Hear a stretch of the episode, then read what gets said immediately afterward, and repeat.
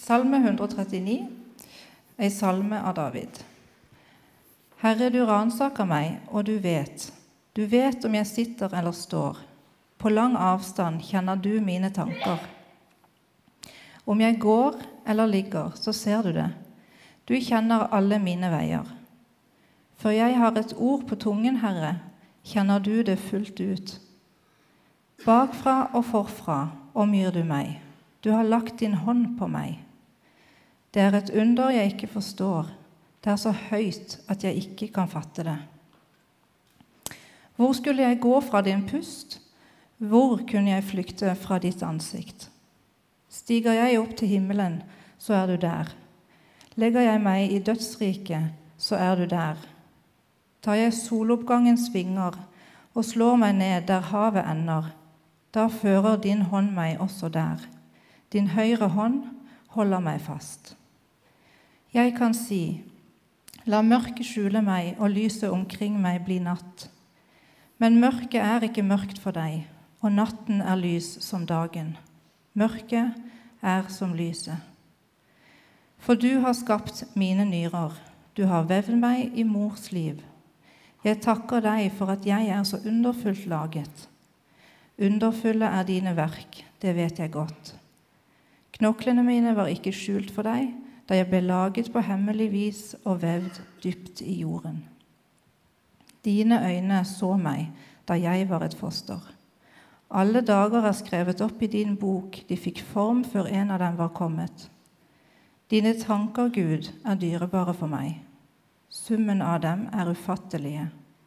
Teller jeg dem, er de talløse som sand. Blir jeg ferdig, er jeg ennå hos deg.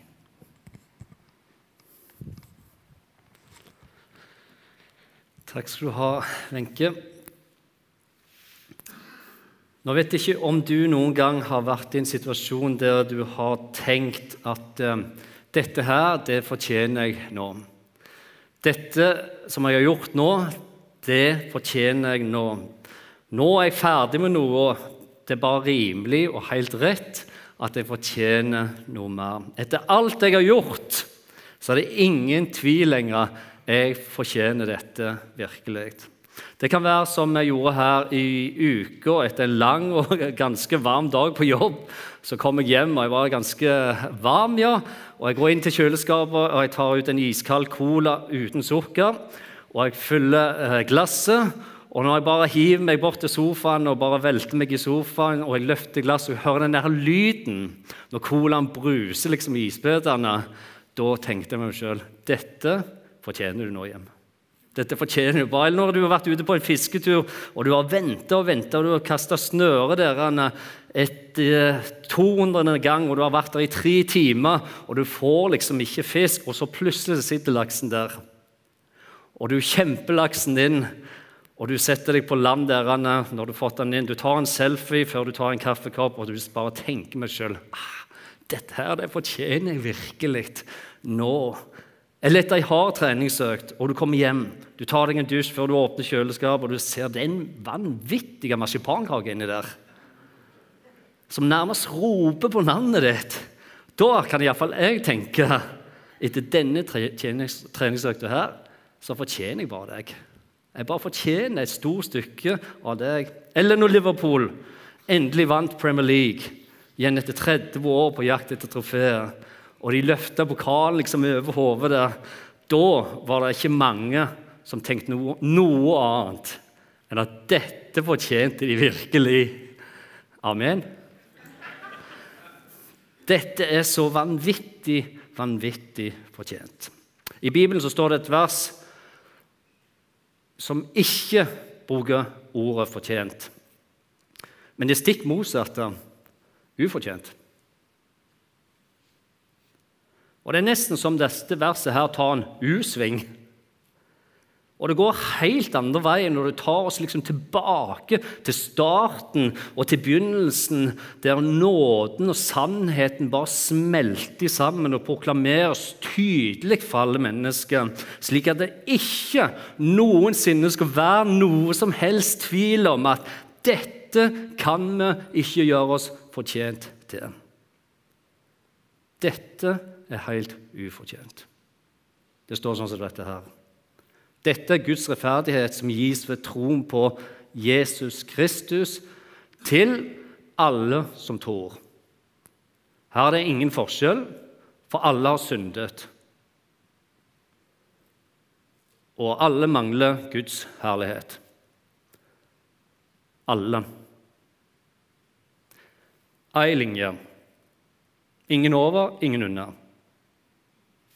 Men ufortjent og av Hans nåde blir de kjent rettferdig, og ikke bare det, de blir frikjøpt i Kristus Jesus. Nåde, nåde, er det vakreste ordet jeg leser i Bibelen når jeg leser Bibelen. Og hvorfor sier jeg det? Jo, fordi om det er noe som er universelt, det er over hele jorda det er Så lenge det har vært mennesker på jorda, så er det dette at vi har alle vært helt avhengig av Hans nåde. Ingen av oss er feilfri, som igjen betyr at alle er vi helt avhengig av Hans nåde hver eneste dag.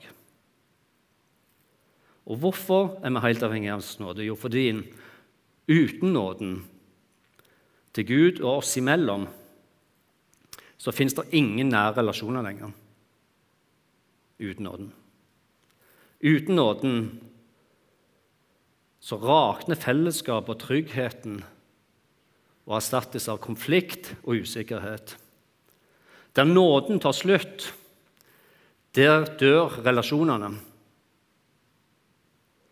Slik at vennskap eller forhold kjærestepar, ekteskap rakner bryter sammen. Fordi der nåden stopper opp, det forsvinner også kjærligheten. Alle relasjoner er helt avhengige av nåde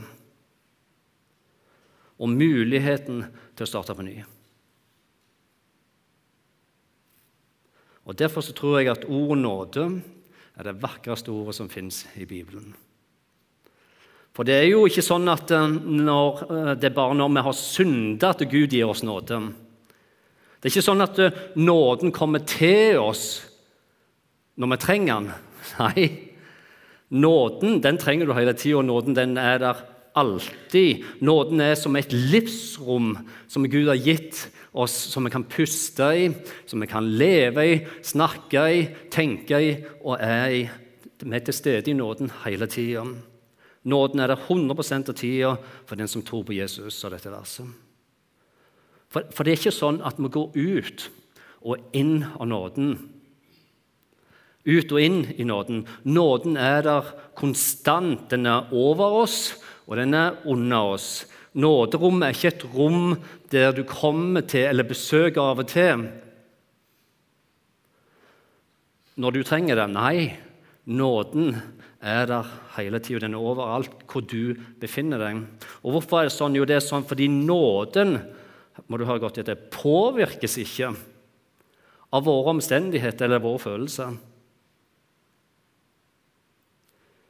Så lenge vi tror på Jesus, gir vårt liv til Jesus, lar Jesus være herre i vårt liv, så puster vi i 100% nåde. Så sover vi i 100% nåde så jobber vi i 100% nåde og lever i 100% nåde hvert eneste sekund. Om det er en ting du kan se i Gamle Testamentet og i Bibelen, så er det dette her at israelsfolket um, de var ganske vinglete. Og det var liksom opp og det var ned, og det var nærme Gud og det var bort ifra Gud. Det er en vinglete historie i grunnen hele Gamle Testament-historien. Og et folk som forlater Gud, og for så å komme nær Gud. Forlater Gud, for så å komme nær. Den ene dagen var Israel på topp, og den neste dag var de helt i bunn. Den ene dagen så forlater de slaveriet i Egyptstormen med stor takknemlighet, for så ikke mange dager etterpå å klage utakknemlig for det meste. En dag så marsjerer de triumferende gjennom Rødehavet mens de sang seiersanger, mens de neste dagene, og ikke lenge etterpå, så valgte de å tilbe en gullkalv. En dag så marsjerer de rundt Jerikos murer i lydighet av Guds ord, for så å blåse ei trompet av all kraft og tro. Mens neste dag igjen så rota de seg bort og tenkte at de sjøl kunne bestemme hva de skulle tro på, hva som var rett og galt. En dag så satt disiplene med nattverdsbordet sammen med Jesus ved siste måltid, og de lytta til Jesus, og de sa de ville følge han til verdens ende. De ga sitt løfte, mens neste dag så flytta de alle sammen. De flykta av gårde. Og en til med fornekta, de, nei, fornekta Jesus på det groveste. Israels folks historie er opp og det er ned. Og disiplenes historie er såpass ustødige at de ikke akkurat innfrir tillit over tid. Og selv om jeg mange ganger har tenkt hvordan er det mulig til grunn? Når du har sett Gud så nær, ildsøyler som torden og lyn Når du har sett underne mirakler som Jesus gjorde, som var heftig store mirakler Hvordan kunne de tvile og forlate snu ryggen til kall og endre fokus, miste troen. Hvordan kunne de være så vinglete? Opp og ned. Hvordan er det mulig? Om det er en ting som er tydelig, og som viser oss igjen og igjen og igjen, så er det dette at hver gang, selv om vi mennesker, selv om israelsfolket drifter av gårde, mister fokus, glemmer hvem vi er, hvor vi hører hjemme og hvor vi kommer ifra, så er det en som er helt stabil, trofast og aldri miste fokus. Den røde tråden gjennom hele Bibelen er to ting. Menneskets historie er vinglete, det går opp og ned.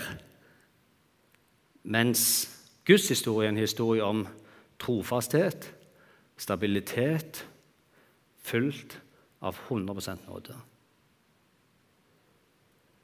Og så skal det sies dette, at det er et mirakel, da, et under i Bibelen som de aldri tvilte på, aldri vingla med, aldri glemte eller klarte å holde munn om. Og det er Jesus Kristus' sin oppstandelse. Den fornekta de aldri. Den vingla de aldri fra. Den valgte de heller å gi livet sitt for. Det er et bra vitnesbyrd å ha med seg. De valgte istedenfor å være stille, tause, å gi sitt liv for dem. I klagesangen så står det dette her. Herren er nådig, vi går ikke til grunne. Hans barmhjertighet tar ikke slutt. Den er ny hver morgen. Din trofasthet, Gud, er stor. Jeg bare elsker disse versene her. Fordi ordet barmhjertighet rommer så ufattelig mye. Det betyr å ha betydning hjertevarme. Det betyr medlidenhet, trøst, sympati, overbærenhet, velvillig, omsorgsfull, og så betyr det uten at det er forventa. Hans barmhjertighet er ny hver morgen, ja, sjøl når vi ikke forventer det. Fordi du kan ikke unnslippe den. Du lever i den, du puster i den. Den er ny hver morgen. Her I siste uke så holdt jeg på hjemme i hagen og skulle bygge et steingjerde i ei skråning hjemme hos oss. Og For å få tak i alle disse steinene jeg trengte, så måtte jeg langt ned en bakke. Plukke de oppi, fylle to bøtter, for så bære de oppover bakken og ganske kronglete opp gjennom for å få det på plass der jeg skulle. Og Her er vi naturlig nok forskjellige, men for meg så prøver jeg å finne motivasjon. Eller når jeg finner motivasjon til dette, her, så prøver jeg å se for meg dette her er en bra treningsøkt for deg, Jim. Stå på, liksom. Sant? Det er liksom min giring. Og det gikk veldig bra én runde, eller to turer, tredje, og fjerde og femte. Og så begynner du å kjenne pusten blir tyngre, pulsen går opp. Av en eller annen grunn så kjenner du at du blir sliten i føttene. og jeg vet at dette er ikke helt sant, Men følelsen var at armene til meg ble 1 cm lenger for hver tur. Det var sånn jeg følte det, for det var tungt nok. altså. Og når jeg har gått en del turer opp gjennom her, så plutselig kommer jeg til punkt der føttene begynner å skjelve, og armene vil ikke mer. Og Det er ikke det at ikke jeg vil, for jeg hadde steinville. Jeg. Men armene klarte det ikke, fingrene klarte det ikke mer, og jeg slipper to bøtter midt i bakken. Bom! Sånn at steinene renner ut. Og jeg setter meg ned bare for å få pusten igjen. På mange måter så er det sånn med nåden. Nåden er helt ufortjent gitt til oss fordi Og dette må vi få med oss. For vi er ikke skapt til, vi er ikke designet, vi er ikke dannet, vi er ikke formet som mennesker til å bære alle konsekvensene av vår liv sjøl. Det klarer vi ikke. Fordi det er ikke sånn vi er lagd. Det er ikke sånn vi designer. Planen til Gud når han skapte deg og meg, var dette. Meg og deg skal bære i sammen. Vi skal gå i sammen. Min nåde er 100% over deg. Tvil aldri på det. Jeg elsker deg, jeg er for deg, jeg ønsker bare det beste for deg. La meg få bære sammen med deg. Stikk ikke av gårde. Gjør det ikke sjøl. Min barmhjertighet er ny hver morgen. Når David skriver i Salme 139, som vi leste i dag Dine øyne så meg da jeg var i foster. Alle dager skrev opp i din bok. Dine tanker, Gud, er dyrebare for meg. Summen av de er ufattelig. Teller de, er de talløse som sand. Blir ferdig. jeg er ennå hos deg. Når David skriver dette, så beskriver David et liv der han oppdager mer og mer hvem Gud er. Det er mens han lever, så bare ser han å, jeg puster i din nåde. Å, jeg sover i din barmhjertighet. Du er, og det er ny hver eneste dag. En gave. Og det han får vite, handler om en relasjon. Selv om den er vanskelig, så inviterer Gud i den. Oppdag at Gud han hører din bønn. Om det gjelder en sykdom, som bringer frykt eller redsel med seg, inviter Gud inn i det du står i. Be for det. Legg det fram for Han. Om det gjelder barn eller barnebarn som trenger å se hvor høyt det er elska, eller at det er kommet noe imellom deg og et barn eller barnebarn Inviter Gud inn i det og be for det hver eneste dag. Eller om det gjelder økonomien, og du kjenner at dette er så vanskelig, å stole på Gud om han virkelig er min forsørger, som han sier i sitt ord. Inviter Gud i det. La han få lov til å bevise at det er sannhet, det han har sagt i sitt ord. Våg gi ham muligheten. Skyv han ikke unna. Han er vår forsørger. Han vet hva han holder på med. Jeg bare mener Hvor mange ganger har ikke jeg hørt folk si jeg kjenner meg så velsigna? Fordi idet jeg åpner dører for Gud som jeg aldri har gjort før, så åpner også Gud noen dører for meg som jeg aldri har sett før. I Johannes evangelium kan vi lese at det står slik om Jesus. Og Ordet ble menneske og tok bolig blant oss, og vi så hans herlighet, en herlig som den enbårne sønn har for sin far. Full av nåde og sannhet. Av Hans fylde har vi alle fått nåde over nåde. For loven ble gitt med Moses, nåden og sannheten kom ved Kristus Jesus, Jesus Kristus. Du ser det at Så lenge vi er på jorda, så beskriver Bibelen, og Jesus sier det sjøl Vi lever i en potensiell kampsone mens vi er her. Tro ikke at vi er i himmelen. Nei, jorda, som Bibelen beskriver det, Jesus sier det, er en potensiell kampsone. Vi har en fiende som har som sitt eneste mål, sier Jesus, å stjele og myrde og ødelegge oss mennesker og våre relasjoner. Tingen er at med en gang vi vil stole på Gud, vil tro Gud, og gir oss til det Gud kaller oss til, så blir vi en trussel for Satan og planene hans for oss og de han har med rundt oss. Og da vil det komme motstand og forfølgelse. Når vi lever vårt liv sammen med Jesus, slik Jesus kaller oss til å leve med en sunn, modig tro som handler på det Guds ord kaller oss til, og vi lever det ut, så vil djevelen rette sin oppmerksomhet og sine planer mot oss. Og Måten han vil gjøre på, er dette. Han vil bruke enten forfølgelse, frykt, forførelse eller fristelse. For å stoppe oss og holde oss nede. Mens på den andre sida, om vi bare sitter på sidelinja Vi lever våre liv komfortabelt, søker vårt eget beste, er ganske så likegyldig i grunnen, eller bare driver med strømmen.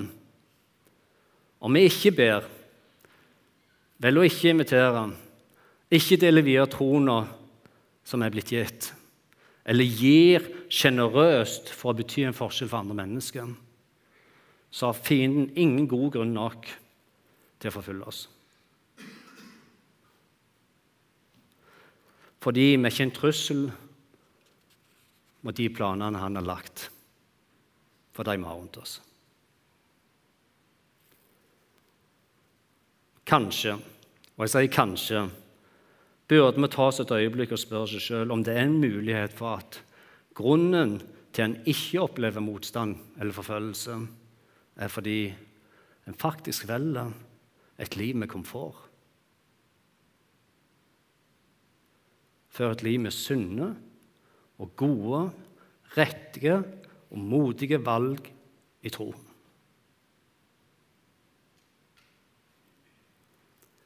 Ordet kultur kommer fra det latinske ordet 'colere', som igjen betyr å kultivere, som igjen handler om hvilken kultur vi faktisk ønsker å ha og bygge. Som igjen handler om hvilken kultur vi ønsker å dyrke, foredle eller bearbeide. Fordi der har vi alle en påvirkning og et ansvar. For det er sånn som dette her, at det som er hellig for Jim, det er også det Jim velger å bruke tid på å tilbe. Og Hva mener jeg med dette? Jo, det mener jeg dette her, at vi som troende i alle tider og i alle generasjoner har hatt et valg om å være med å forme vår kultur eller å la kulturen forme oss. Det Jesus kalte oss til, var å forme en kultur. Være lys og være salt i denne verden. Leve ut kallet som Jesus ga. Løft han opp, stol på hans ord og i lydighet tilbe Gud, slik Jesus var i forbilde for oss. Per Arndal, som har skrevet mange nydelige bøker, han skrev en gang sånn som dette her, at livet er for dyrebart til å la humla suse. For det eneste som kommer av seg sjøl, er forfallet. Det andre må vi arbeide for. Det må vi gi oss til. Det må investeres i, og det må prioriteres. Det historien viser oss gjennom tusener av år, er at Gud blir ikke skjelven, blir ikke nervøs, slik at han endrer seg etter tida vi lever i. Og Grunnen til det er fordi Gud han er trofast. Han er full av nåde. Han står ved det han har sagt, løftene han har gitt, i kjærlighet. Utfordringen vår kan være at vi liker det behagelige, og vi ønsker helst ikke det som kan bli ubehagelig. Og det går det an å forstå, det kjenner jeg på sjøl òg. Det er helt naturlig at vi kan kjenne på både usikkerhet og redsel og bli tause i møte med endringen som er i kulturen vår. Men samtidig som alle glemmer dette, at dette livet her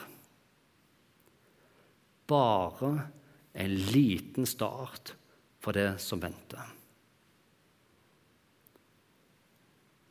Det er startskuddet for det som skal komme. C.S. Lewis, som er betegnet som en av de største tenkerne som har levd på jorda, skrev en gang sånn som dette her, at det faktum at hjertet vårt lengter etter noe jorda ikke kan gi oss, er et bevis på at himmelen må være vårt hjem. I vår travelhet, i våre spørsmål, i våre undringer, våre kamper, kanskje tvilskamper, skal vi være gode med oss sjøl, så vi aldri glemmer det. At det fins et hjem. Det fins et sted, en adresse med ditt navn på, som venter på deg. Denne tida her er bare en forberedelse for det som Gud ønsker å gi deg fullt ut. Marianne Evans, som var veldig kjent engelsk forfatter på midten av 1800-tallet, hun skrev noe på slutten av livet som nok opplevdes som veldig radikalt og ufordrende med den tida. Hun skrev dette her Vi overgir folk til Guds nåde, men viser ingen nåde sjøl. Tingen er den Om vi skal være så uheldige nå i dag her og nå at jeg falt ned av scenen her og brakk den ene foten min. Så er det ikke sånn at Lena og Vivian, som sitter her nede, som er kona mi og, og datteren min, ville tenkt hm, det der var så utrolig dumt gjort at nå får du stå for deg sjøl helt alene. For vi kasserer deg. Nå er det ikke mye verdt for oss. Sånn er det bare. Du har knukket foten. Hadde de gjort det, eller hadde dere det? Nei, de hadde ikke det. Selvsagt hadde de ikke det. For de hadde hoppet ut av setene når de hadde sprunget fram en eneste gang, og de hadde spurt hvordan det gikk, og de hadde tatt vare på meg. De hadde gjort det. Og sånn er det med Gud òg. Tingen er at Gud vraker ikke meg fordi om jeg falt kraftig, eller om jeg sliter med synd i livet mitt. Gud vraker oss ikke og sier 'nå får du klare deg sjøl', hvis troene de har fått en knekk. Eller at du tviler big time og har det så tøft og har hatt det lenge. Nei, det er ikke sånn Gud er. Når du føler deg knust i kristenlivet ditt, og du kjenner at 'nå er jeg taus, nå våger jeg ikke', da kommer Gud hoppende over stolrekka. For det er sånn Hans nåde er. Han er der alltid, og han elsker deg. Og dine prestasjoner kommer aldri til å ha noe med dette å gjøre. Han bare elsker og elsker deg. Følelsene mine de er verdifulle, de. De er viktige, de er der for å gi meg viktig, god informasjon, men de holder, forteller meg nesten ingenting om Gud, hvem Gud virkelig er. Eller om mitt forhold til Han. Min og din trygghet i troen baseres på hvem Gud sier han er i sitt ord, og ikke på hva våre følelser sier, eller hva andre mennesker sier. Vår tro er basert 100% på det grunnfjellet og den grunnvollen Gud sier hvem han er sjøl. Og han sier han er 100 nådig. Og barmhjertigheten hans er ny hver morgen. Han elsker deg. Min og din tro baseres på Gud. En av de verdens mest kjente, kjente sanger den dag i dag er dette. En sang som er skrevet og, og gitt ut i, 19, nei, 1779, og han heter 'Amazing Grace'. Og Den ble skrevet av en tidlig kaptein og slavehandler John Newton, som var velkjent for å være nådeløs. Og Vi skal slutte med dette. Da han i 1748 kom ut i en fryktelig storm på Atlanterhavet, skipet holdt på å gå ned i havet, da ba han en, i ren desperasjon til en gud om hjelp.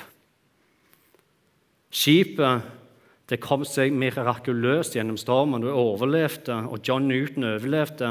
Men han glemte aldri det mørket og det dypet han stirra rett ned i når han sto med én fot inn i det ukjente. 10. mai samme året så omvendte han seg og gjorde Jesus til herre i sitt liv. Noe som gjorde at han noen år senere skrev denne fantastiske sangen med den nydelige teksten 'Amazing Grace', 'The Save a Wretch Like Me'. En takk og en hyllest og en anerkjennelse for når alt håp var ute. Når han ikke kunne gjøre mer, når han ikke hadde krefter nok lenger, når det ikke var noe annet, når han ikke kunne gjøre seg fortjent til en eneste ting. Når han stirret inn i mørket og dypet, så var det kun én ting som gjaldt. Kun én ting som kunne frelse et vrak som meg. Guds ufortjente nåde. John Newton han slutta som slavetransport, og han begynte å studere teologi istedenfor å valgte å bli prest. Noe som igjen førte til han ble en stor motstander mot slaveriet. En motstander mot det hans liv før hadde levd. Du ser at Guds grenseløse nåde den tilgir den største synder. Nåden snur seg aldri vekk, og den glemmer aldri et menneske som har vendt sitt liv mot Jesus. Nåden et nytt liv, Skape nytt liv.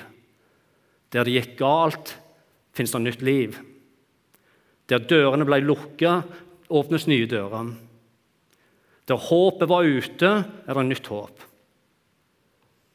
Gud holder aldri nåden tilbake. Han gir oss ny mulighet hver eneste dag. Et nytt og annerledes liv. Et liv som David beskriver i Salme 139. Vi puster i nåden. Vi sover i nåden. Du omgir meg på alle sider, opp og nede. Vi får tro gjennom nåden til å leve vårt liv, til å takle våre ord, vår handlinger, vår økonomi og våre ressurser, slik at Gud kan få invitere andre gjennom nåden og hjem til seg. Ok, Vi skal be sammen til slutt. Gode Far i himmelen, bare ønsker å takke deg for din godhet her. Takk for at du lover gjennom ditt ord her. Og det er ditt ord vi stoler på, det er ditt ord vi tror på, det er ditt ord på vi lever vårt liv ut i. Venn. du er stabil, du er trofast, du endrer deg aldri. Du har ikke gjort det. Og Det er derfor nåden er 100 for at du er den du er. Vi kan så lett tenke at du burde vært sånn, eller du skulle fulgt tida det som er. Men, men det hadde råkt med nåden, og det hadde råkt med kjærligheten og din trofasthet, Herre. Takk for at du er trofast. Og takk for at du elsker sånn som du elsker, Herre. Det er nåde over nåde til hvert eneste menneske. Og Så kan vi tenke ja, men jeg sliter med dette. Jeg gjorde det. Og Så må vi kanskje ta konsekvensen for det, men hos deg, Herre, så er det 100% nåde. 100% nåde. Takk, Jesus, for at vi alle en dag skal hjem. Takk, Jesus, for at du kommer til å stå der med åpne armer. Og takk, Jesus, for at du har ikke overlatt oss alene her nede mens du forbereder himmelen. Nei, du har gitt en talsmann, en hellig ånd skal lede oss, lære oss, inspirere oss og vise oss både hvem du er, og hvem vi er i deg. Så bare ber Herre for oss alle. La oss bruke den tiden her på jorda til å investere i evigheten. La oss bruke de ressursene vi har fått her på jorda, til å speile inn i evigheten, slik at vi bruker de på noe annet enn oss sjøl, men på å befolke himmelen, Herre. Jeg ber vi om i Jesu navn. I Jesu Kristi navn. Amen.